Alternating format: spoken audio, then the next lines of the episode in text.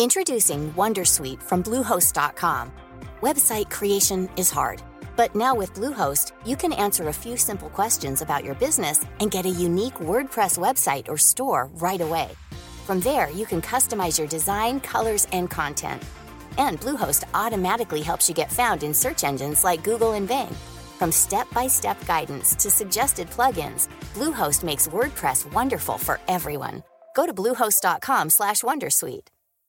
Hey Dave. Yeah, Randy. Since we founded Bombus, we've always said our socks, underwear, and t-shirts are super soft. Any new ideas? Maybe sublimely soft. Or disgustingly cozy? Wait, what? I got it. Bombus. Absurdly comfortable essentials for yourself And for those facing homelessness. because one purchased equals one donated. Wow, did we just write an ad? Yes. Bombas. Big comfort for everyone. Go to bombas.com slash ACAST and use code ACAST for 20% off your first purchase. Om man vill spara sina pengar på ett klokt, långsiktigt sätt till en god avkastning med en rimlig risk, så är detta de bästa fonderna 2018 enligt mig.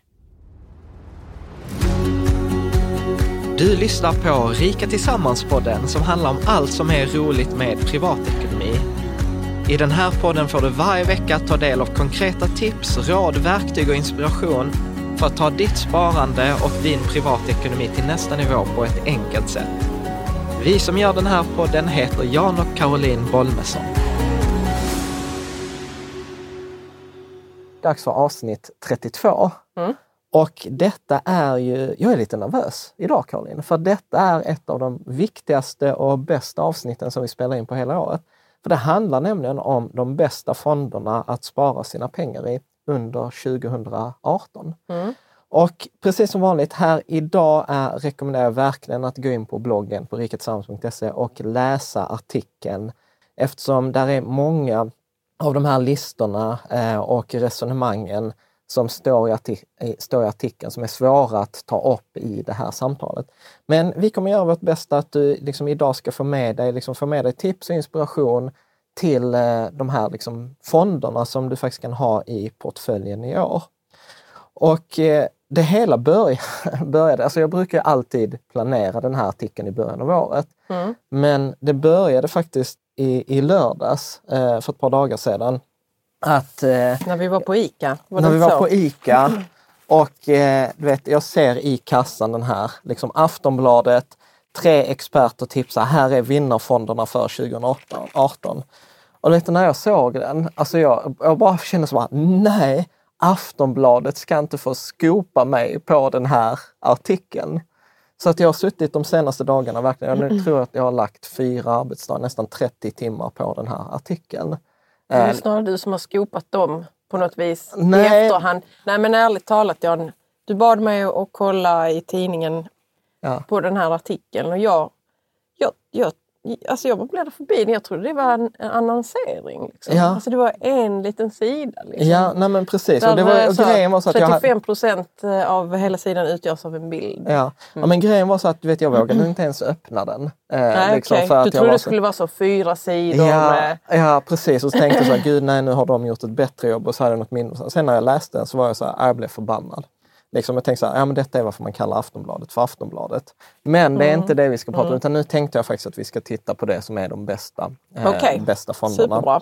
Eh, och jag tänkte liksom så här, detta är ju alltid klurigt att säga liksom så här, vilka är de bästa fonderna? Och jag tror att det, det första så tror jag är att vi behöver liksom berätta om liksom vår strategi när vi sparar våra pengar. Att både du och jag, vi är ju så att vi sparar ju pengarna långsiktigt. Så att jag är inte ute efter, liksom, för varje år så kommer de här artiklarna vid den här tiden av. Detta är vinnarfonder, detta är fonderna du skulle ha ägt 2017. Det tycker jag för övrigt är en väldigt konstig titel. Detta är de du skulle ha ägt 2017.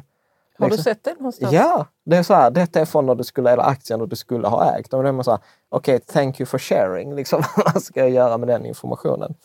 Men det betyder mer intressant att veta så här, vilka ska man äga 2018? Och när, när, när jag har valt de här artiklarna, eh, de här fonderna, då har jag inte tagit eh, fonder som är kanske den bästa avkastningen ett enskilt år eller har en väldigt hög risk. Oftast har jag undvikit branschfonder till exempel. Eh, utan jag tittar på fonder som man, som man rent teoretiskt skulle kunna köpa idag glömma bort i tio år. Om tio år liksom eh, ta fram dem så bara, gud vad bra det har gått. Ja, Det- så vill vi ha det. Det är liksom snarare den Ja. typen av fonder snarare än så.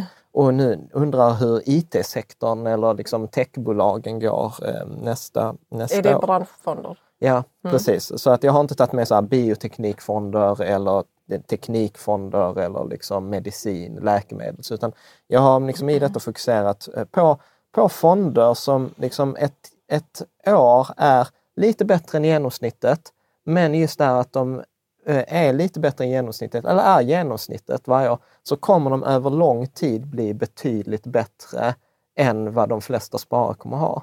För de flesta sparare lyckas faktiskt inte prestera över, eh, över genomsnittet, Nej. över, över index. Och det finns en massa av eh, vetenskapliga undersökningar eh, som är gjorda. Så detta är liksom, på, eh, eh syftet här är att ha bra fonder över tid med låga avgifter där du vinner på 10 års sikt, inte de liksom på 12 månaders sikt. För för mig är det lite, jag skrev i artikeln, använde metaforen att för mig är sparande eh, ett, ett maratonlopp. Och att vinna de första 100 meterna i ett maratonlopp, ja det är så här, ja, grattis du vann de första 100 meterna.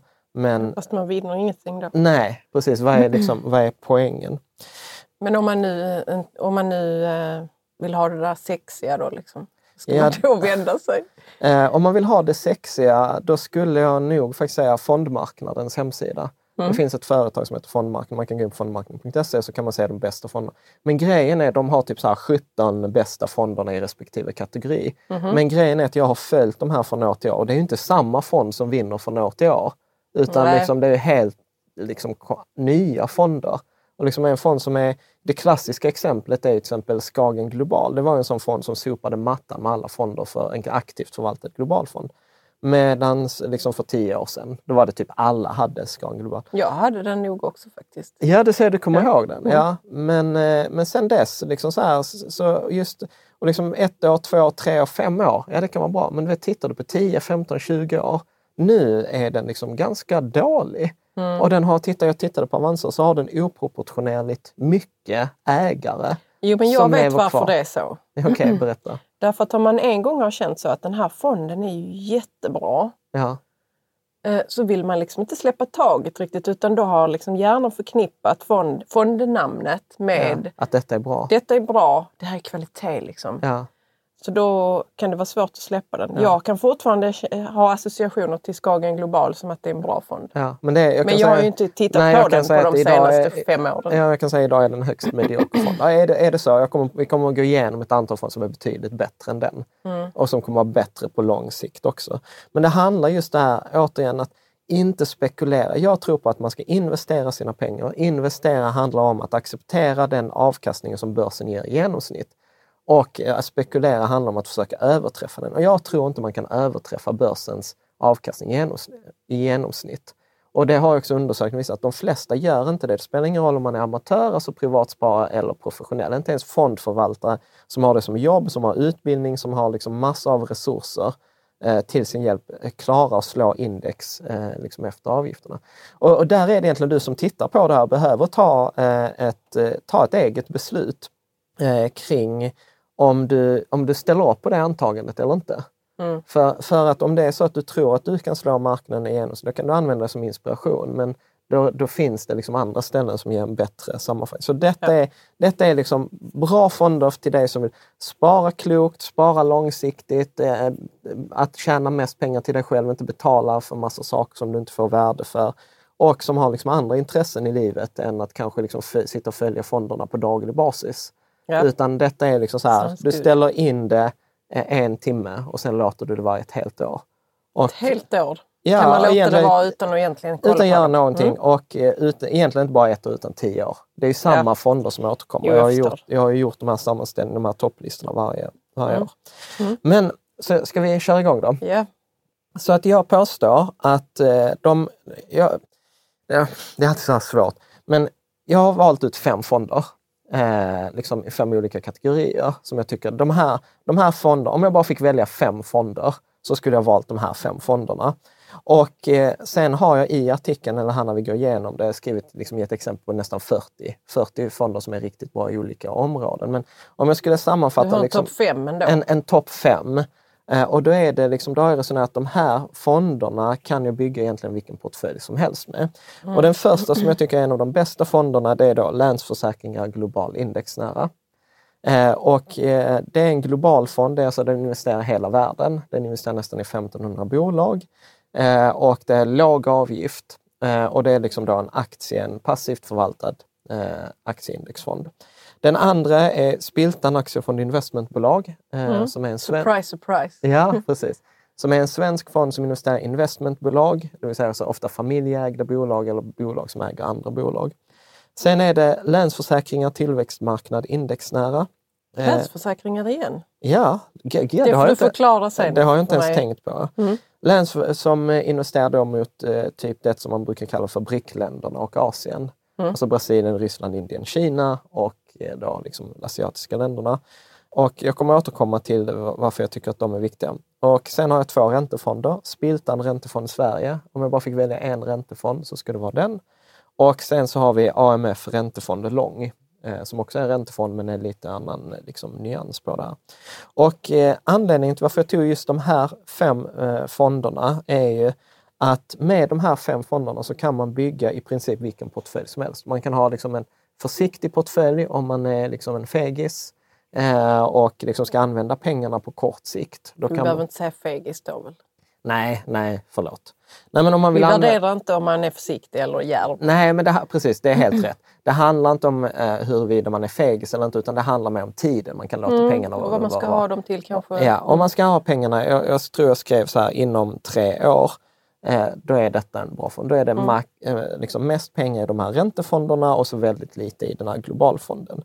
Så med hjälp av globalfonden och de två räntefonderna så kan man ha en försiktig portfölj. Och vad ska man ha de pengarna till då inom tre år? Om jag bara får liksom...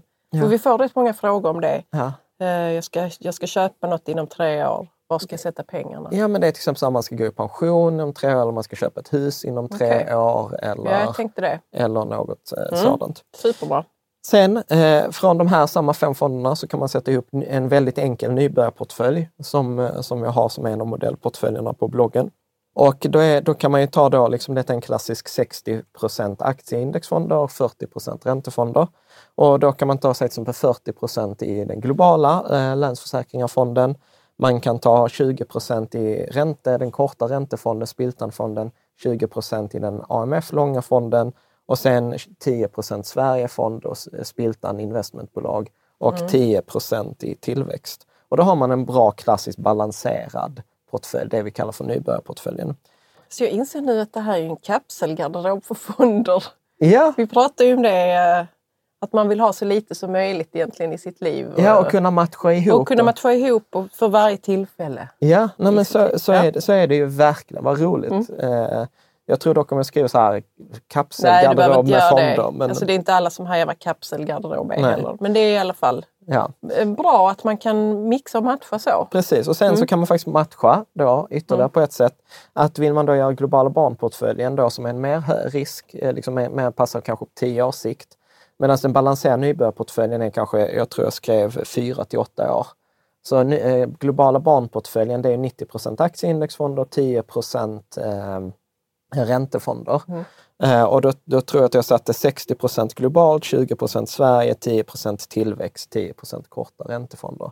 Och då har man nybörjarportföljen, eller eh, globala barnportföljen som är en ganska eh, hög risk, hög avkastningsportfölj. Och vill man sen liksom köra riktigt så här eh, mycket aktier, hög risk, hög avkastning, alltså en portfölj som kommer att svänga mycket, så gjorde jag en så här aggressiv portfölj. Och då är det 40% globalt, 30% Sverige, 30% tillväxt. Så inga ränte. Nej, inga räntefonder.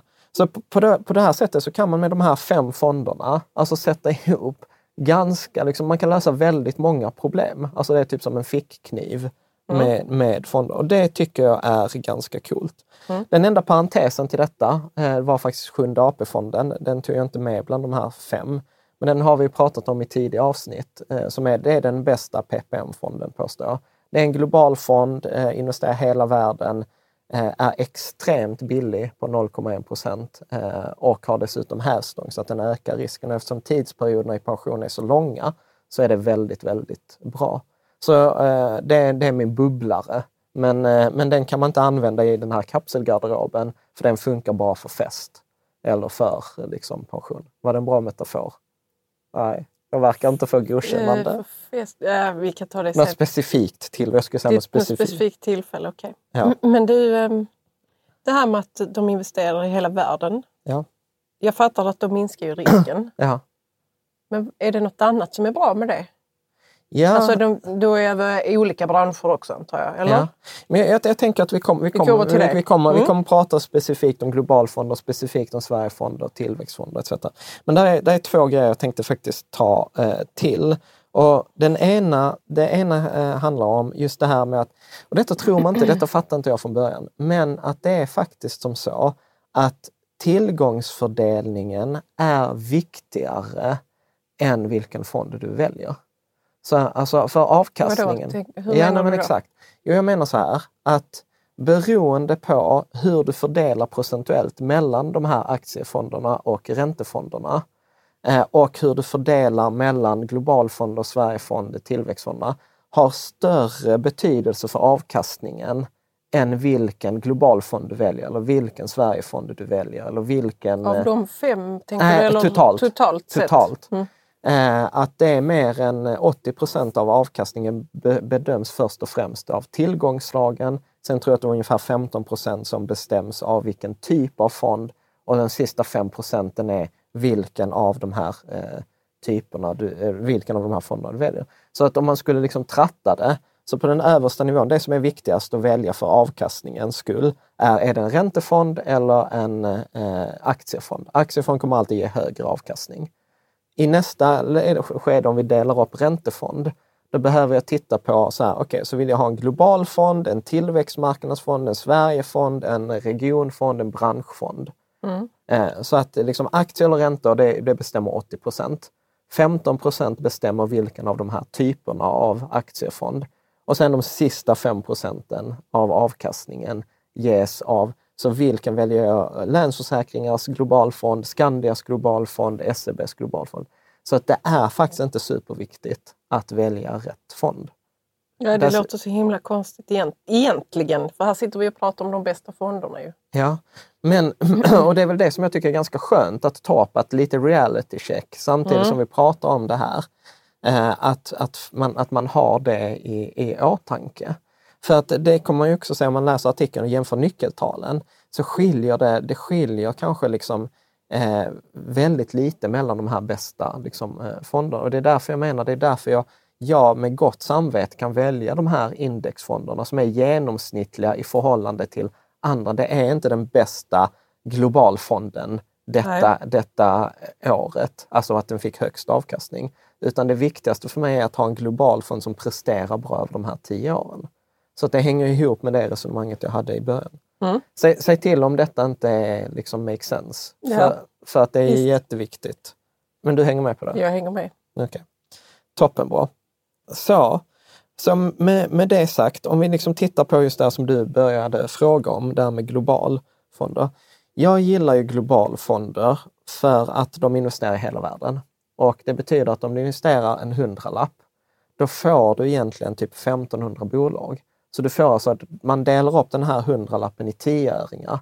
Och så får du typ så här 10-öring Facebook, 10-öring Apple, 10-öring Google. Är det de 10-öring stora bolagen eller vad är det för något man det är, värld, ut? det är världens 1500 största bolag. okej. Och man kan säga så här att eh, det som är lite dåligt med globalfonderna, eller inte dåligt, men som man behöver vara medveten om, är att 50% hamnar i USA. Så att 50% av de här 1500 bolagen kommer vara amerikanska bolag och det kommer vara de största amerikanska bolagen. Eh, och sen så kommer det fördelas ungefär 20 eh, 20 kronor kommer hamna i Västeuropa. Eh, ungefär 10, eh, 10 kronor kommer hamna i Japan.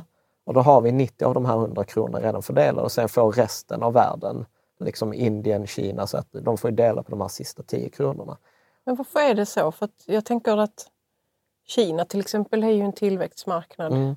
Precis, men, och det handlar, där, eh, men det handlar om hur man har delat upp det här eh, indexet, alltså den här jämförelsepåsen. Då har man sagt att det här indexet MSCI World, som är det globala indexet, att det, det har man definierat efter börsvärde. Och då är det så att den amerikanska ekonomin är störst i världen. Därefter kommer de europeiska eh, börserna och den japanska ekonomin. Kina, Och sen kommer... och sen kommer Kina. Men sen har, är det en tröghet i det här också, att Kina, och detta har ju varit en grej som Kina har invänt mot väldigt länge, att de har inte den rollen i förhållande till den storleken de faktiskt är. Nej, men de har inte nått sin potential. De har inte nått sin potential de har inte Ta fått, ett och de har inte fått betalt för att de är en större aktör. Nej. Och detta bör man vara medveten om och det är därför som att skulle jag ge någon råd att bara ha en enda fond, då skulle jag säga ha en global fond. Men eftersom man inte behöver ha en fond utan man kanske kan ha 10-12 fonder, då, det är därför som jag då rekommenderar att okej, ta en global fond som bas, men ta sedan till exempel tillväxtmarknaderna där Kina spelar en större roll, där Indien spelar en större roll. Så att man liksom kompenserar för den här globalfonden helt enkelt. Så att det där är liksom, det där är liksom viktigt att ha, att ha i åtanke. Bara ställ frågor Karin, för det är liksom jätteviktigt. Eh, Ja, men det kommer. Ja. Så att om vi tittar då, eh, bryter ner de bästa globalfonderna. Att Om vi då tittar, vi har valt de här globalfonderna, vilka är de fem bästa där? Eh, Då är det då som jag sa innan, Länsförsäkringar Global Indexnära. Sen är det faktiskt en som heter SPP Aktiefond Global, som jag tycker kommer på andra plats. Den är lite större, så att man kan säga att SPP-fonden är, eller nej, Länsförsäkringar, den här Länsförsäkringar Global Indexnära är 88 procent av den här SPP-fonden. Så Okej. SPP-fonden har ett, ett index som heter MSCI All Countries Index och är lite, lite större. Så att, eh, om man till exempel ska ha, som jag sa idag i, i barnportföljen, 60 procent globalfonder, då kan det vara rimligt att ta liksom 30 procent eh, Länsförsäkringarfonden, 30 procent SPP-fonden. Så har man liksom en Men bra du sa att de global... var nä nästan samma. Den var nästan samma, ja. kommer man inte ha... Du kommer få överlapp. Det kommer man absolut få. Eh, Och det är därför som till exempel jag vet att jag alltid får frågor så här, men eh, vad tänker du om eh, DNB Global Index eller Swedbank Robur Access eh, Global? Men då säger jag så här, ja, men de är som de här två fonderna, så de är nästan ekvivalenta på alla sätt och vis. Så när jag har plockat ut de här fonderna i respektive kategori så har jag också försökt att inte ha överlappande fonder. Nej, precis. För annars Utan- är det inte kapsel. Nej, annars är det precis, eh, precis. Men så är det samma. Ja. Eh, Det som är nytt för i år med de bästa fonderna är att jag har även tittat, börjat titta på de här börshandlade fonderna. Och en börshandlad fond är som en fond fast du handlar den som en aktie. Det vill säga att du köper den, kan köpa den klockan 10, sälja den klockan 11. Eh, du betalar courtage eh, när du köper alltså en avgift för det. Men fördelen är att medan vi i Sverige bara kan köpa mer eller mindre svenskhandlade fonder, eh, så kan man med de här börshandlade fonderna köpa en tysk fond till exempel, mot alltså till exempel Deutsche Banks globalfond. Och där finns Okej. faktiskt eh, en Deutsche Bank har en eh, sån här börshandlad fond som heter DBX MSCI World Index och den följer det här indexet exakt. Och det har en låg avgift så att antingen kan man ta till exempel Länsförsäkringar eh, fonden eller den här Deutsche Bank-fonden. Och egentligen skulle jag säga att den här Deutsche Bank-fonden är bättre men eftersom den har lägre avgifter, i princip samma värde. Men jag vågar inte riktigt än säga att den här börshandlade ETFen är bättre. Okay. Eh, och sen finns det då ett alternativ till SPP-fonden som heter SPDR MSCI World. Eh, nej, detta är faktiskt inte ett eh, detta är lite annorlunda. Eh, där är en börshandlad global fond. Detta, är- detta är en helt ny fond för i år som heter då SPDR MSCI World Small Cap eh, med förkortningen CPRS. De har alltid så här roliga förkortningar. Det är bra att veta. När jag ibland säger de här korta fyrbokstavskombinationerna, det är de man kan gå in på Nordnet och skriva in, eller Avanza och skriva in i sökfältet, så hittar man den eh, fonden. För de heter, alltså, de, heter, de heter i princip samma sak. Och då är det också viktigt att veta att de här globalfonderna eh, investerar ofta i de största bolagen, typ Facebook, Google, Apple etc. Men de bolagen är ofta mogna, de genererar en bra vinst, men det är inte de där du får en liksom stor utveckling eftersom de har kanske redan nått sin potential. Och då vill man ibland ha bolag som är på väg mot sin potential, alltså ha så kallade småbolagsfonder. Eh, Och då har jag faktiskt för första gången hittat en, eh, en sån här börshandlad fond som då den heter SPDR MSCI World Small Cap ZPRS som är en inriktning mot globala små, småbolag. Som är på väg mot... Ja, som är på väg mot potential. Det, det är en högre risk men också en högre avkastning. Så att eh, om jag liksom skulle välja eh, sätta ihop en portfölj, liksom till exempel här, vi tar globala barnportföljen, där, där det är nog rätt mycket globalfonder, 60 procent globalfonder. då skulle jag eh, faktiskt tagit den här som följer MSC World, antingen Länsförsäkringar-fonden eller den här Deutsche Bank-fonden. Jag hade tagit SPP-fonden och jag hade tagit den här globala småbolag. Och då har man en fantastisk exponering.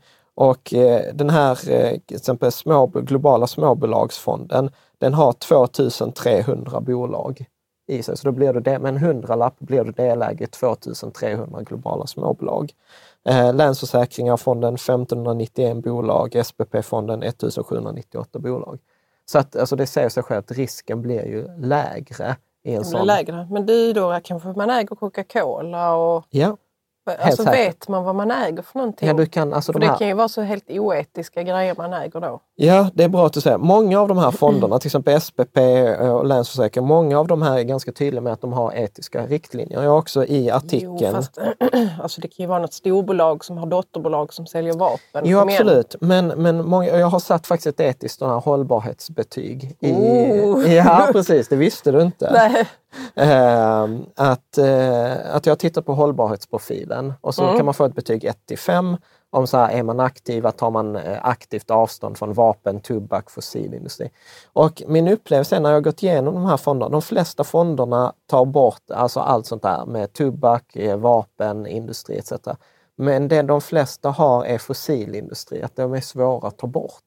Alltså att man har negativ miljöpåverkan. Till exempel, jag läste nu, där, vad var det, eh, ehm, oj, nu bara står det helt stilla. Den här svenska ståltillverkaren, eh, SPAB, nej SPAB, det är ju eh, bank. Gud, nu Ja. står det helt stilla i huvudet. Assa, Skit- nej. Nej, vi har ju det där svenska stålbolaget. Mm. Det importerar, det är Sveriges största importör av kol. Och då tänker man liksom inte så här, men det är inte ett kolför, det är inte ett bolag som utvinner olja i Nordatlanten. Men de förbrukar väldigt mycket kol. Så att eh, många av de här fonderna har ju så här upp till 30 procent med fossilt. Men man kan läsa in där på hållbarhetsprofilen.se i alla fall. Så finns det någon sån eh, global fond som är utan eh, Där finns en... fossila Ja, det, det vet jag. Det vet jag inte. Men där finns... Jag har med, inte på min topplista med de bästa globalfonderna, men på observationslistan. För jag har dessutom gjort till varje sån här kategori en eh, sån här runner-ups eller observationslista fonder att ha koll på. Och där har jag faktiskt av just den anledningen den här fonden, SEB Etisk Global Indexfond. Mhm. Eh, Så det är en indexfond, den har högre avgift. De här andra eh, har ju sällan en avgift över 0,3 procent. Men den här har 0,5 procent i avgift och de skriver att man har tydliga etiska och sociala inriktning med kriterier för internationella normer för mänskliga rättigheter, arbetsmiljö och korruption. Så att är det där superviktigt för en om man är beredd att betala lite för det så, så, Så tror ska man, man titta på, vad heter fonden? Så- SEB Etisk Global Och Indexfond. den kan man säkert läsa massor om. Ja. Så att den är, ligger precis i Ja. linje med... Alltså, å andra sidan, För det ska inte bara vara fint. Nej, men utåt, sen, men liksom. sen tror jag så att jag, jag har faktiskt gjort valet och jag hoppas att du stödjer mig i det här. Men att i de här fonderna, man behöver inte välja de värsta skurkarna. Men jag tror Nej. att det, man gör sig själv en otjänst av att försöka vara så här 100 procent. Nej, den får inte ha något av de här eh, Ja. bolagen. Utan då tror jag att det är bättre att sen komplettera sitt sånt här bassparande med till exempel projekt som Trine eller Better Globe som är rena CSR-företag. Där, där liksom affärsidén är att göra Jag håller helt gott. med dig. Jag håller helt med dig. Men jag, och jag, men jag tycker för diskussionens skull att man ska vara lite så kompromisslös Ja, med var man sätter sina pengar. Sen om man väljer eh, en etisk fond eller Trine eller något annat som har stark CSR-profil. ja. får man ju välja själv. Men att vi ska vara lite kompromisslösa. okej. Med att göra världen bättre med Ja, våra men det, pengar. men det tycker jag. Mm, Men det, ja, men det måste jag också säga att de senaste åren har det faktiskt gått. Alltså för, när jag gjorde den här listan första gången 2016, då var det här hållbar, det var ju knappt, det var en icke-fråga.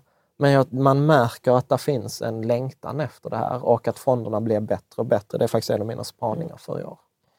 Så förutom de här, den här etiska eh, SEB etisk global indexfond så har jag faktiskt även tittat på eh, de tre bäst aktivt förvaltade. För alla de här fonderna vi har pratat om hittills är indexfonder. Det vill säga att de följer det här genomsnittet som jag har eh, tjatat om. Där är ingen förvaltare som försöker förutsäga framtiden eller så. Och eh, då finns det typ som den här Sk- Skagen Global som vi pratade om i början. men där har jag plockat fram tre stycken eh, och det är Storebrand Global Multifaktor, Öhman Global Hållbar A, de är också där Öhman. Och sen någon som heter så här MS INVF Global Opportunity A. Detta är alla som har fem stjärnor, så detta är de här fonderna som har varit bra det förra året. Fem stjärnor från? Morningstar. Mm. Så Morningstar ger sådana här helhetsbetyg. Och jag är ju liksom lite generellt skeptisk till de här fonderna. Eh, och anledningen varför jag ändå har med dem det är för att jag får mycket frågor på dem. Men här man märker den här stora att avkastningen i procent är inte väsentligt mycket bättre än indexfonderna. Alltså det, vi, vi pratar mindre än en procents skillnad. Mm. Men den stora skillnaden är om vi tar till exempel den här MSINVF-fonden som fick fem stjärnor. Den har 30 bolag. Så att investerar jag eh, i 100 kronor i den så är jag delägare i 30 bolag. Mm. Att jämföra med Länsförsäkringarfonden där jag investerar 100 kronor så blir jag delägare i 1600 bolag. Mm. Och det säger ju sig själv att detta ger ju den här fonden möjlighet att överprestera ett index, för de dras ju inte med 1600 bolag. Men har man valt fel 30 bolag så kan det gå åt skogen. Och det är verkligen det som jag upplever är liksom så här problem med aktiv förvaltning. Ja, det kan gå bra ett år, två år, tre år. Men, men sen då? Typ Skagen Global för, för att vara ett sånt här exempel. Så att de här är, om man liksom är lite mer eh, vill, tror på det här med aktiv förvaltning, man vill titta på de här fonderna, detta är de som dyker upp som rekommendationer. Så kan man veta att det är hyfsade fonder. Men jag, jag personligen skulle rekommendera de Hur här då dyker det upp som rekommendation? För att om du tittar på de bästa globalfonderna på en lista hos Avanza eller Nordnet så kommer de här dyka högst upp för att de har fem stjärnor. Eh, om vi tittar till exempel på mina Länsförsäkringar-fonden, den har fyra stjärnor. Vilket i sig är en merit, för att en indexfond är ju genomsnittet, så den ska ju egentligen bara ha tre stjärnor. Mm. Men mm. att den får fyra stjärnor, det är egentligen ett kraftigt underbetyg för alla de andra aktivt förvaltade fonderna. Ja. För en, genomsnitt, en indexfond är definitionsmässigt genomsnittet. Då borde den ha tre stjärnor. Men nu har den fyra periodvis, har den haft fem också. Så att, eh, och sen är det här med antal stjärnor är ingen liksom garanti. Det finns studier på det där som Morningstar har gjort själva. Eh, där de säger så att bara för att man hade fem stjärnor ett år så betyder inte det att man kommer få fem stjärnor nästa år. Nej. Och istället för att då ha till exempel Skagen Global som går från fem stjärnor till tre stjärnor, alltså så här, då har jag hellre en fond som har stabilt eh, tre eller fyra stjärnor. En, eh, en eh, här aktierna aktivt förvaltad eh, fond som är på observationslistan är Spiltan Global Investmentbolag. Mm. Och det är för att jag gillar Spiltan. Vi är ju delägare i Spiltan, vi har deras svenska fond. Men här tror jag att de, de tog sig vatten över huvudet.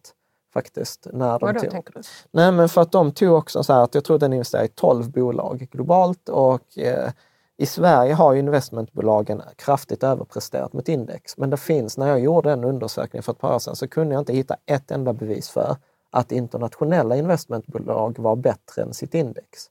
Okay. Eh, mm. Uh, och uh, det har ju tyvärr visat sig stämma. Men jag tycker det är så här, skoj att ha koll på och att liksom, man kan ha den på bevakning. 12 bolag? Jag tror det. Men de äger i sin tur andra bolag. Så, att ja, det är, så det är andra här, investmentbolag? Ja, mm. ut, utländska eller konglomerat. Eh, om vi tittar på de bästa svensk Sverigefonderna mm. eh, så hade vi Spiltan Global Investmentbolag, de har vi redan pratat om.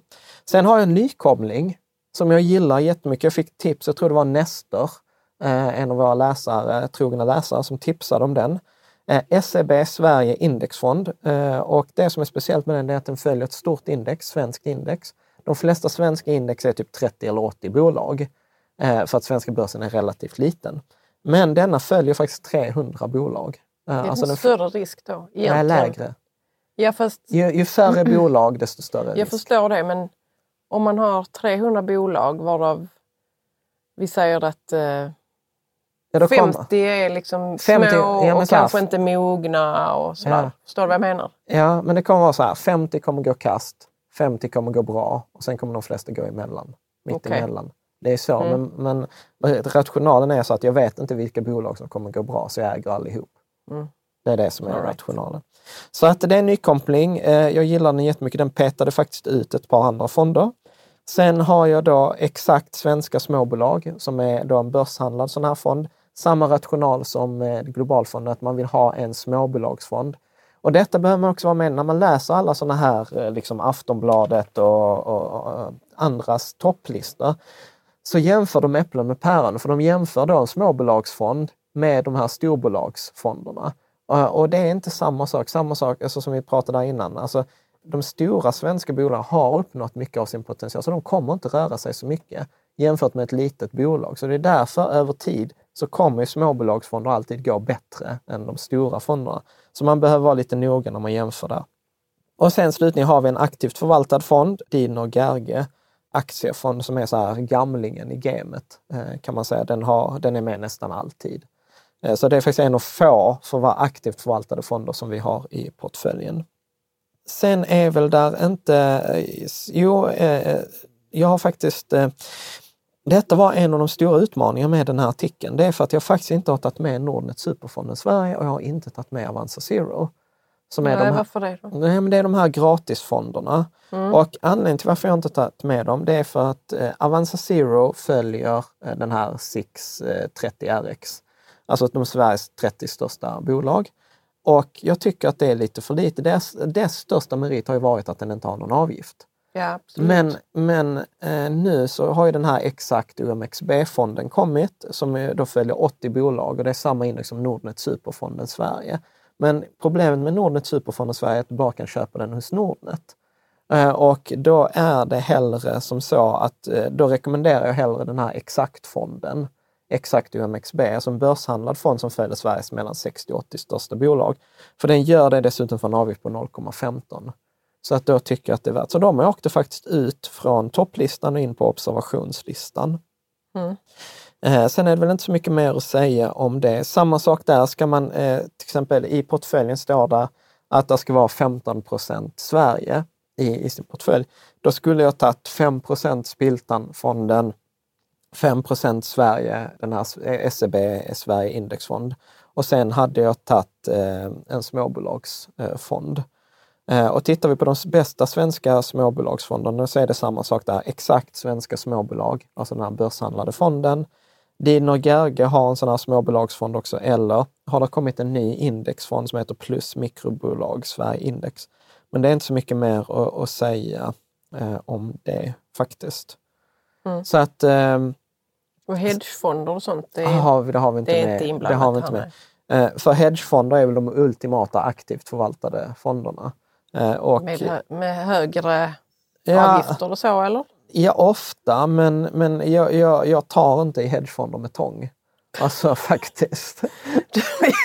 Förlåt, du har gillat dem innan väl? Nej. Alltså, tio år sedan kanske när jag var ny och trodde att det fanns proffs som visste vad de gjorde. Nej men det är ju som det här vadet, Warren Buffett eh, slog ju vad om att en indexfond på tio år kommer slå fem hedgefonder. Och han vann det där vadet i förtid. Och det var roligt för att jag skrev om det på bloggen i höstas. Där finns ju den här Warren Buffett vinner vadet. Och jag blev faktiskt citerad i Svenska Dagbladet. Mm. på den. Jag såg inte det själv, men tack till er läsare som skickar de här bilderna. för att jag, jag följer inte liksom varken tv eller eh, tidningar. Så att det var så jag fick reda på det. Mm. En parentes man kan säga här när vi ändå pratar om Sverigefonder, så är det ju så att alltså, Sverige står för 0,8 procent av den globala marknaden. Så att i en, om, man köper liksom en, den här globalfonderna för 100 kronor, då får man typ 0,8 kronor i Sverige. Alltså det är extremt lite. Så att Sverige har i våra portföljer en överdrivet stor plats. Alltså ja. ungefär, jag brukar ibland tänka på det, som när, när Sverige spelar fotbolls-VM och de svenska supporterna slår vad om att Sverige kommer vinna VM. Typ, det finns inte en enda supporter utomlands som skulle satsa pengar på att Sverige vinner VM. Men i Sverige så tror vi på det. Men så är det i de andra länderna med. Vi får trösta oss med det. Ja, precis. Engelsmännen är tydligen värst på det här. Ja. Men, men man kan ändå resonera att Sverige är en högriskmarknad internationellt sett.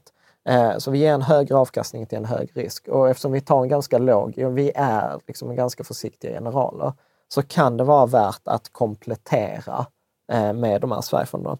Men då har jag faktiskt även tagit med, eh, för att internationellt sett så är det liksom, om man pratar med en amerikansk investerare och säger så här, ska du investera i Sverige? Så har de trott för det första att man investerar i Schweiz. Eh, ja, eller någonting annat. Kanske. Utan hur Sverige brukar låta utomlands när man pratar med utländska investerare så brukar de tänka the Nordics.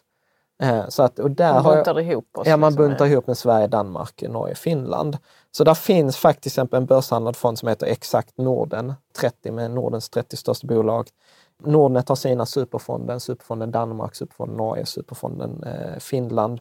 Och där finns en exakt OBX som går då mot norska börsen. Så det kan vara så värt att ha koll på.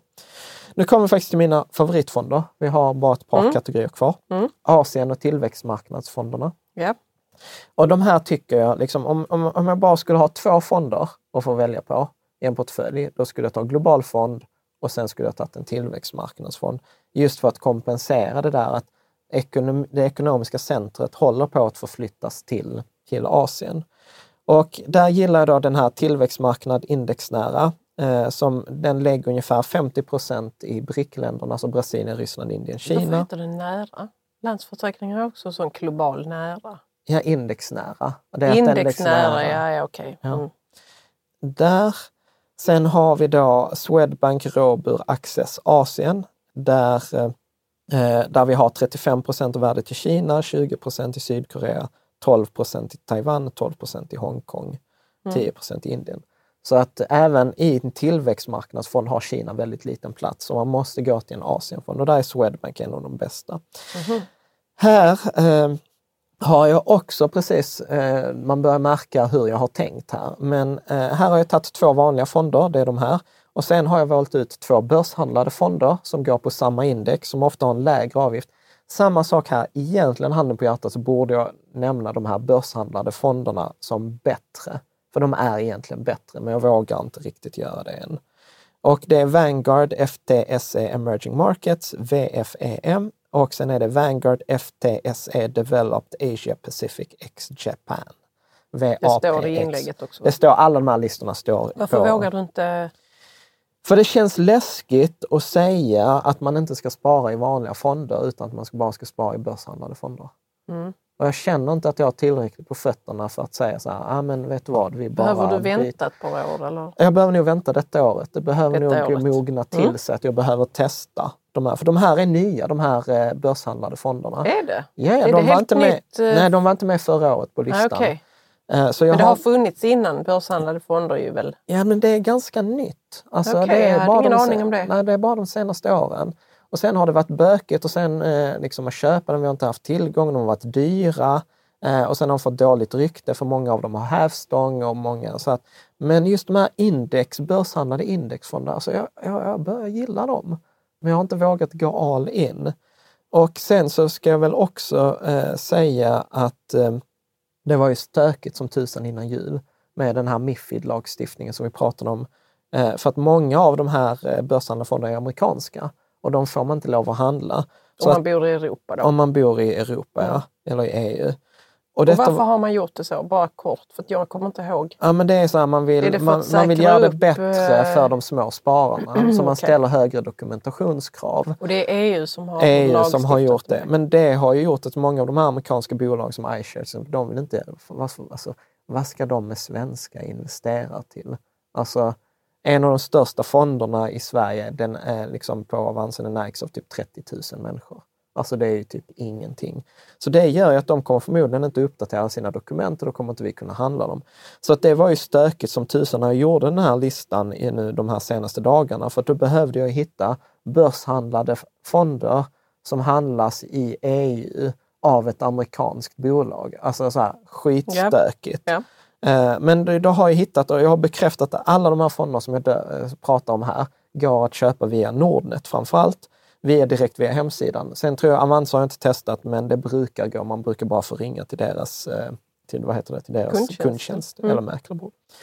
Så det, var, det var de här två Vanguard-fonderna. Eh, och sen så har jag faktiskt två, en återigen, en small cap, småbolags, eh, till en börshandlad indexfond som investerar i småbolag i tillväxtmarknader och Asien. Okej. Okay. Eh, och mm. den heter då SPDR som är fondbolaget MSCI Emerging Markets, det är indexet Small Cap. Eller den fantastiska förkortningen SPYX SPYX. Spyx. Det är så här, har du Spyxfonden? Alltså så här, det är nästan som ett hemligt språk. Eh, så skulle jag sätta ihop, då, om någon skulle säga så här, Jan, du ska placera 15% i tillväxtmarknadsfonder. Då hade jag tagit antingen Länsförsäkringar-fonden eller den här Vanguard-motsvarigheten till 5 jag hade tagit antingen Swedbank-fonden eller den andra Vanguard-fonden till 5% och sen hade jag tagit Spyxen till 5 mm. Så då får man en fantastisk eh, portfölj där. Sen, Som man kan ha i tio år? Ja, utan, mm. utan problem. Alltså här, tio år, så här, somna. Alltså, så här, om, om jag skulle dö och Frejas pengar skulle förvaltas så här, då hade jag så här, låt pengarna vara, rör inte dem. De skulle du sagt det från andra sidan? Mm, ja, men jag har det nedskrivet i testamenta. Ja, testamenta. Eh, observationslistan här är ju att jag saknar Afrika. Alltså vi har ju mycket, mycket ja, det är relation. Väl också en, alltså, inte emerging market så, men... Jo, det är det. Det är emerging det, emerging. Emerging emerging. Ja, typ. De tycker Kina är emerging markets. Liksom. så att Kina det, investerar i Afrika. Man säga. Jättemycket. Mm. Eh, det är typ det enda man ser i Kenya. Mm. Men i alla fall om vi hoppar in här, då har det börjat komma indexfonder, börshandlade indexfonder för Afrika. Eh, är det Sydafrika då? Ja, tyvärr. Mm. Tyvärr. Men det är väl eh, för att det är ett väldigt stabilt land? Ja, det är det stabilaste landet i Afrika. Mm. Men då finns det en då Deutsche Bank, DBX, MSI, EFM, Africa Top 50. Och då får man eh, 65% exponering i Sydafrika, 8% i Kenya, 8% i Egypten, 8% i Marocko. Där finns... Var är diamanterna? ja, precis. Eh, men den vågar jag inte rekommendera utan det är observationslista. Men vad är det i den? Vet du det? Ja, men det är typ så Safaricom. Det var typ det bolaget jag kände igen. Men, ja okej, okay, det är tele, telefon. Telebolag, finans. Alltså, ja, el, alltså vanlig precis, infrastruktur. Vanliga, så här, det är de största mm. bolagen alltså, i, i de här länderna. Jag hoppas på att jag har sett att det finns ett nytt sånt här eh, MSCI-index mot Afrika där det är så 20% Kenya och sånt. Men den, den har jag inte liksom hittat hur man skulle kunna köpa. Mm. Tittar vi på nästa kategori idag som är USA-fonder så tycker jag för övrigt man behöver inte ha USA-fonder. Har man en global fond så behöver man inte USA-fond. För liksom 50 av globalfonden är i USA. Vill man ändå envisas eh, så finns det då två stycken då Swedbank Robur USA, Länsförsäkringar USA indexnära. Och eh, de följer då det här MSCI USA eller S&P 500 indexet. Naturligtvis finns här också då börshandlade fonder från Vanguard som är då Vanguard S&P 500 som har den lägsta avgiften jag har sett, 0,07 procent. Mm. Jämfört med då till exempel även eh, då till exempel Swedbank-fonden har 0,28. Och 0,28 är en extremt låg avgift. 0,07 är... Varför har de så låg? Ja men de behöver inte mer. Alltså de har gjort hela sin grej att de säljer liksom... De, de kunde haft det gratis, eller nej? Ja, lite så pengar. Så bara Avanza Nord. Ja. Mm. ja, men för, ja, och dessutom Avanza Nord har ju begränsningar. Du får inte lägga hur mycket pengar Nej. du vill i dem. Men det Nej, kan det du i den här. Mm. Så att då är det ändå till exempel den här Vanguard S&P 500 VUSA-fonden. Den har ju en fjärdedels avgift av en redan extremt låg avgift. Så att här finns det liksom nästan ingen anledning att eh, att välja andra amerikanska fonder. Men samma sak här, så att vi har då Vanguard FTSE North America, eh, VNRT eller Vanguard S&P 500 VUSA som då alternativ till Swedbank Robur Access USA, Länsförsäkringar USA indexnära. Och sen har jag precis som vanligt här eh, ett småbolags börshandlad mm. mm. som heter då iShares MSCI USA Small Cap eller SXRG. Eh, och det är väl inte så mycket att säga eh, kring de här. Det sjuka är att den här Vanguard-fonden på S&P 500 har fem stjärnor. Alltså en indexfond. Vad är det för sjukt med det? En indexfond som går som genomsnittet av marknaden ska inte ha fem stjärnor. Särskilt inte efter, eftersom Morningstar jämför ju då dessutom alla amerikanska fonder, oavsett om de är aktivt eller passivt förvaltade med varandra. Så det betyder att denna kvalar in i de 10% bästa USA-fonderna trots att den är passivt förvaltad. Så att detta är, alltså, det är svårt att ge bort hur stort detta är. Men, jag tror vi fattar ja, men, det, men, det, men det är ett underbetyg åt alla andra förvaltade USA. Som anstränger sig. Som anstränger sig. Mm. Liksom, det är bara så här, vatten på min kvarn. Mm. Europeiska fonder tycker jag inte heller man behöver för de ingår i 20, med 20 procent i globalfonderna. Vill man ändå ha dem så har vi SPP Aktiefond Europa som är den vanliga fonden. Vi har den börshandlade motsvarigheten som heter Vanguard FTC Developed Europe, VGEU. Och sen har vi en, en, en småbolagsfond, mm. precis. Mm. Deutsche Bank MSCI Europe Small Cap. Och sen har jag faktiskt en mot Östeuropa, för man skiljer väldigt tydligt på Västeuropa och Östeuropa. Östeuropa är liksom emerging market medan Västeuropa är då developed jo, men det är det market. väl fortfarande. Ja, och då finns det en, som, en fond som heter iShares MSCI Eastern Europe med den fantastiska förkortningen IQQR. Liksom. Mm. Eh, nu har vi bara två kvar, eh, två typer kvar. Bästa räntefonderna. Och här behöver man ju skilja på långa och korta räntefonder. Eh, och då är det tumregeln med en räntefond är så att det bestäms på hur länge räntefonden lånar ut sina pengar. Alltså jag kan fortfarande sälja den och köpa varje dag. Men hur länge de lånar ut sina pengar, desto högre risk såklart. Eh, så det är löptiderna intressanta. Eh, tittar man på Spiltan räntefond, då är det liksom så en mixfond, en mixräntefond, ett års löptid. Och det som är speciellt med den, den har en avgift på 0,22 men den har en sharpkvot på 3,8. Och sharpkvoten är ett mått på hur mycket risk tar fonden för att tjäna en, eh, hur många procent risk tar den för att tjäna en eh, avkastningsprocent. Och det som är, man brukar räkna så här, en sharpkvot på 0,81 är bra. Mm -hmm. Denna har 3,8 vilket är så här, det är världsrekord. Jag trodde bara det gick upp till 3. Nej, nej, det går hur högt som helst. Som ja, det är en kvot så går den så. Men man ser aldrig en fond med nej, över, över, liksom, över 1, 2. Så enormt bra. Det där är ett alternativ till den som heter IKC avkastningsfond var också med förra året, 3,99 i sharpkvot. Eh, och om man liksom omsätter det i siffror så betyder det till exempel att fonden gör 3% men att den har bara en standardavvikelse. Den avviker från de här 3% med 0,77 procent med 68% sannolikhet och 1,5 procent med 95% sannolikhet. Så man kan säga så att du går med 95% mer än 95 sannolikhet går du med vinst om du köper de här två. Så att egentligen ibland är jag sugen så att man skulle köpt den här fonden och sen belånat den till tusen. Liksom. Då hade man haft den bästa riskjusterade avkastningen. Men hur, mycket, hur stor var avkastningen sa du? Tre, ungefär 3% per år. Så att det är ingen hög mm. avkastning men i förhållande till den risken den tar så är det extremt hög. Om man har mycket, hög. mycket pengar så, så kan det löna sig.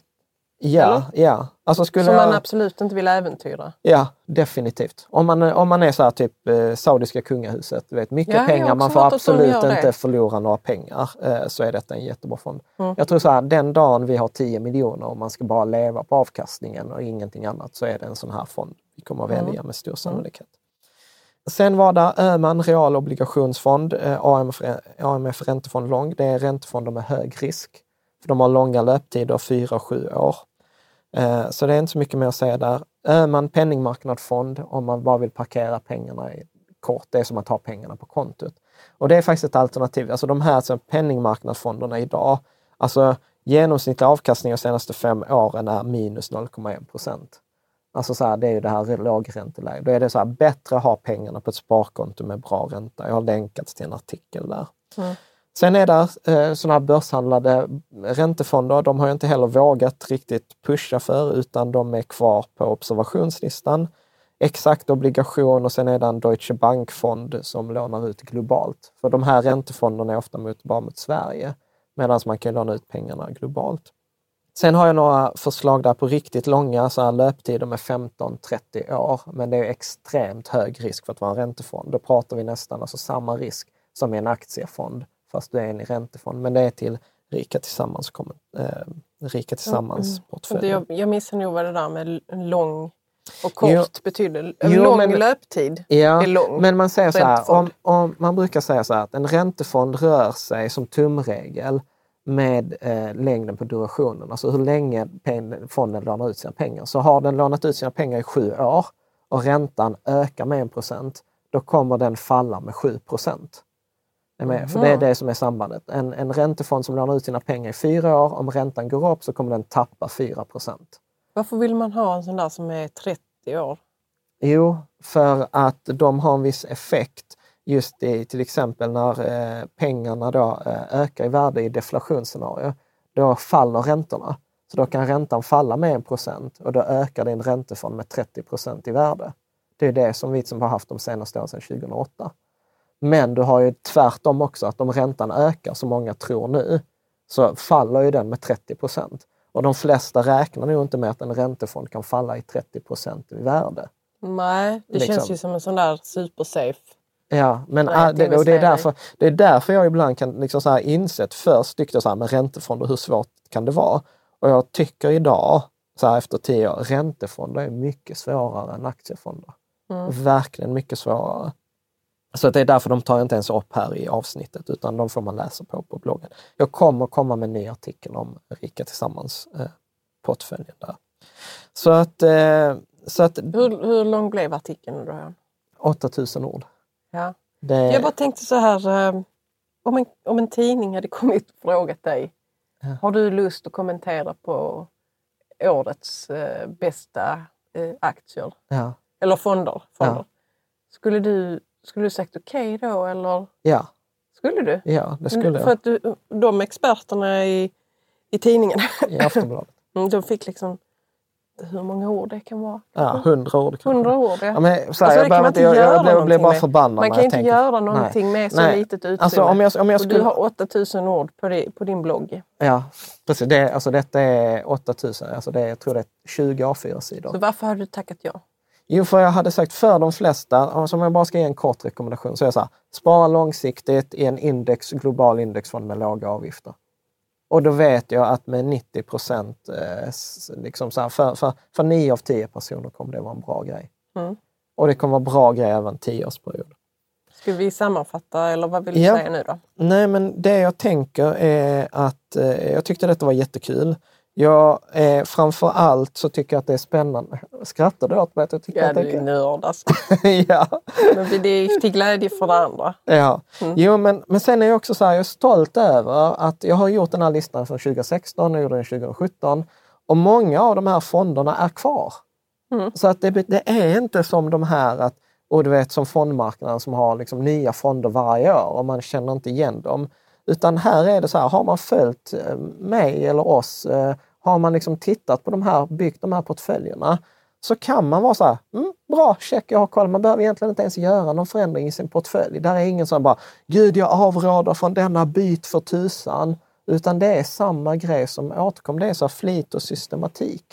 Och, och inget adrenalinpåslag? Och... Inga adrenalinpåslag. Inga utan, pekpinnar? Nej, utan nej. jag gillar detta. Utan den den stora nya grejen är att jag börjat ta med de här börshandlade fonderna. De mm. har lite lägre avgift, de ger lite större eh, möjligheter.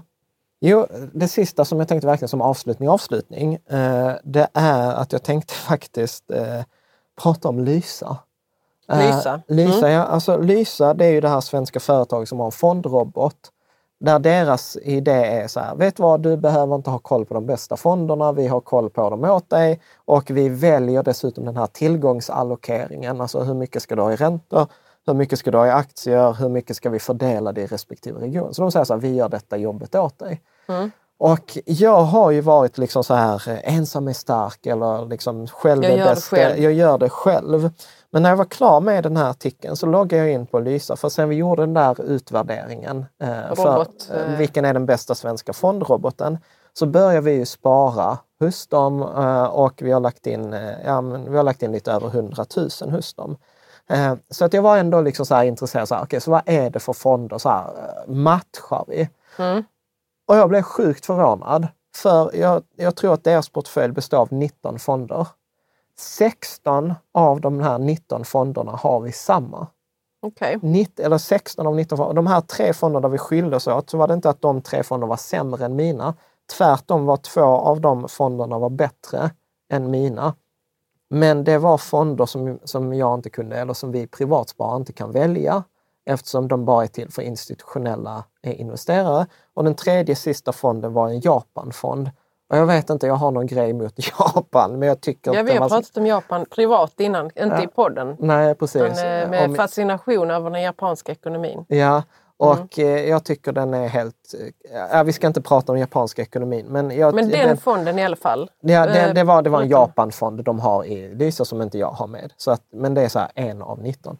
Så att detta var för mig att nu när jag liksom så här lagt 30 timmar på den här artikeln, för det är vad den har tagit mig att skriva, så dyker den här frågan upp. Så här, varför ska jag själv lägga tid på att leta upp de här fonderna, balansera dem, ha koll på dem, när en dator kan göra detta jobbet bättre? Mm. Och, och, så det beror på vilken fantasi du har att hitta på annat ja, den tiden. Jo, precis. Och vissa vill ju göra det själva. Ja, precis. Så, så är jag, ju, jag, liksom. är liksom så här, jag, är, jag är nörd, jag tycker detta är mm. kul. Jag, mm. alltså, jag har ju suttit här hela helgen bara så här, jag måste få göra min research och jag har liksom hållit på med fonderna. Men för en vanlig sparare Alltså jag kan inte riktigt... Alltså jag kan inte För mig till exempel, ja. jag vill inte göra den researchen. Nej, och jag tror inte ens att du hade betalt. lagt en timme på Nej. att läsa den här artikeln och sätta dig in i de här grejerna. Eller din artikel? Ja. Jo, men den läser jag ju. Ja, men om vi inte hade varit gifta... Så Nej, då hade jag inte läst den. Nej, det är så precis. Och då menar jag på så här, men då kan man ju ge bort till någon. Så här, vill, du, vill du få samma liksom, utveckling? Jo, jag hade läst den, men nu berättar du ju allting för mig här. Jo, men precis. Mm. Men, jag, men jag menar att det finns inte längre någon riktig anledning att göra det här jobbet själv. Alltså för, för ett år sedan så fanns det inget alternativ. Ville man ha en, en passivt förvaltad eh, portfölj så var man tvungen att göra det själv. Mm. Men medan nu så... Men, eller så gick man till banken eller någon annan rådgivare? Nej, nej, nej, men nej, man, nej, man, nej. man vill kanske inte göra det själv för att man tror att man inte kan. Ja. Eller att man inte har koll. Man gör inte researchen. Man men har inte tid och intresse för. Men, precis, men du får inte en sån här portfölj som bank. En Nej. bank kommer att rekommendera sin, sina, det får man sitt, inte. Shit, liksom. Absolut Jan. Så, att, så, att, det, så detta är för mig lite ungefär som de börshandlade fonderna. Jag ska bara säga att det, var ett, att det finns sämre alternativ också. Ja, ja, gud ja. Mm. Gud, ja. Alltså, det... man, man kanske, man, om man inte läser den artikeln eller liksom intresserar sig på något annat vis, man vill bara att någon annan ska fixa det åt en, så kanske man går till banken. Men man behöver inte göra det nu. Nej. Det är det som är din poäng. Ja, men inte ens innan hade man kunnat göra det på Nej. banken. Nej. Och, och, och, jag tror att för mig är ju detta lite som de börshandlade fonderna. Att egentligen vet jag att detta är bättre, men jag vågar inte riktigt släppa taget. Och jag, jag tror att om jag tittar så här om fem år framåt så tror jag att då kommer jag mest göra detta för att jag tycker det är kul, för jag kan bidra till andra, för att ha koll på Lysa, att de gör bra grejer. Men det finns egentligen inte så mycket motivering till att göra det själv om jag inte vill ha en bättre, bättre fördelning. Det, det, det lyser jag när jag började analysera fördelning och sånt. Så de har inga globalfonder i sin sån, utan de bygger en globalfond mer eller mindre mm -hmm. eh, själva. Mm. Det är, är därför... det deras AI som gör det? Eller vad ja, deras data, deras algoritm. Mm. Och, och, det är därför de har med Japan, för Japan är ändå en stor del av ekonomin. Medan jag tycker så här, men jag behöver inte ha någon Japanfond för att få med dem i globalfonderna. Mm. Så att, eh, och jag vill vara så här supernöjd, du som lyssnar eh, på detta, så som du hörde, vi har våra egna pengar hos Lysa. Vi har ett samarbete med Lysa som är att eh, om det är någon som lyssnar på detta och tycker att detta är värdefullt och sen blir kund hos Lysa och berättar genom att trycka på vår länk så får vi en liten ersättning från, från oss. Så att det kan man du, kan välja att göra det. Eller så man, kan man, du, man får väldigt själv, gärna liksom. göra, göra, det. Det är ju det mm. som gör det möjligt för oss att till exempel inte ha någon eh, reklam i artiklarna. Men denna rekommendationen kommer inte för att vi har fått betalt. Lysa har inte varit inblandad i den artikeln överhuvudtaget. Utan jag tänker att det står ganska mycket på sina egna meriter, den rekommendationen. Jag tycker i alla fall eh, att, eh, att eh, är, är, man, är man, eh, tycker man detta är spännande så tycker jag att man ska faktiskt ska testa. Alltså gör så som jag, att ta en observationsportfölj hos Lysa, alltså benchmarka den mot den egna portföljen. Det är det jag nästan ser fram Nu började vi med Lysa i november eller december mm. när vi började. Det var inte länge sedan. Eh, så att det är för tidigt för uh, att jämföra. Men jag ser sjukt mycket fram emot den här tiden om ett år, 2019, för att kunna jämföra hur har Lysas portfölj gått i förhållande till min då nybörjarportfölj eller samma samma grej där. Mm. Och eh, sen är det annars är det väl liksom slutligen att eh, om du tyckte den här videon eller det här avsnittet eh, var, var bra, prenumerera gärna på Youtube-kanalen eller på, på här på Soundcloud eller i iTunes på de här poddavsnitten. Eller framförallt gå in på bloggen och prenumerera på vårt nyhetsbrev för att då missar du inte när jag gör uppdateringar. Jag gissar att under de kommande dagarna och veckorna så kommer den här artikeln uppdateras. För så har det alltid varit att jag får alltid jättemycket hjälp av er läsare och lyssnare och tittare. För att eh, där är, i Sverige finns det över 5000 fonder och jag vill, inte, jag vill säga att jag har gjort ett bra jobb av att plockat ut den här 1 bästa fonderna. Men där är garanterat fonder missat. Till exempel den här Sverige, SEB Sverigefonden fick jag tips av Nestor. Tack mm. Eh, för det. Så att eh, kommentera gärna, gör det gärna på, på bloggen eh, så kommer det alla läsare till gagn snarare än att kommentera på Youtube eller på Soundcloud eller där. Och med det så vill jag säga tack för att du har liksom tittat, tack för att du har lyssnat. Gå in på bloggen, läs hela den här artikeln, eh, bli inspirerad, ta fram, eh, sätt upp din, din portfölj. Och skriv gärna hur det går. Det är det som vi tycker är roligast. Mm. Och annars eh, så är planen framåt här nu. Nu har vi publicerat alla, hur gick det med portföljerna? Det kommer inte bli några vi, eh, liksom vad heter det, poddavsnitt eller eh, mer video än det som redan ligger på Youtube kring de här uppföljningarna. Mm. För det är ganska tekniska, eh, ganska tekniska artiklar. Men som ändå är ganska skoj att se att det faktiskt går enligt plan. Den globala barnportföljen slog ju både Stockholmsbörsen och den globala börsen utan att den egentligen ska kunna göra det. Rika Tillsammans-portföljen tuffar på även om den gick under sitt eget jämförelseindex. Eh, och eh, nybörjarportföljen går precis som den skulle. Gick, gick bättre än globalfonden men sämre än Sverigefonden. Så att det visar ju att de här fonderna som faktiskt var med i den här artikeln redan 2017 har faktiskt varit bra. Och annars så blir det ett nytt, ny artikel och ett nytt avsnitt eh, nästa söndag. Mm. Tack så mycket och ha det så bra.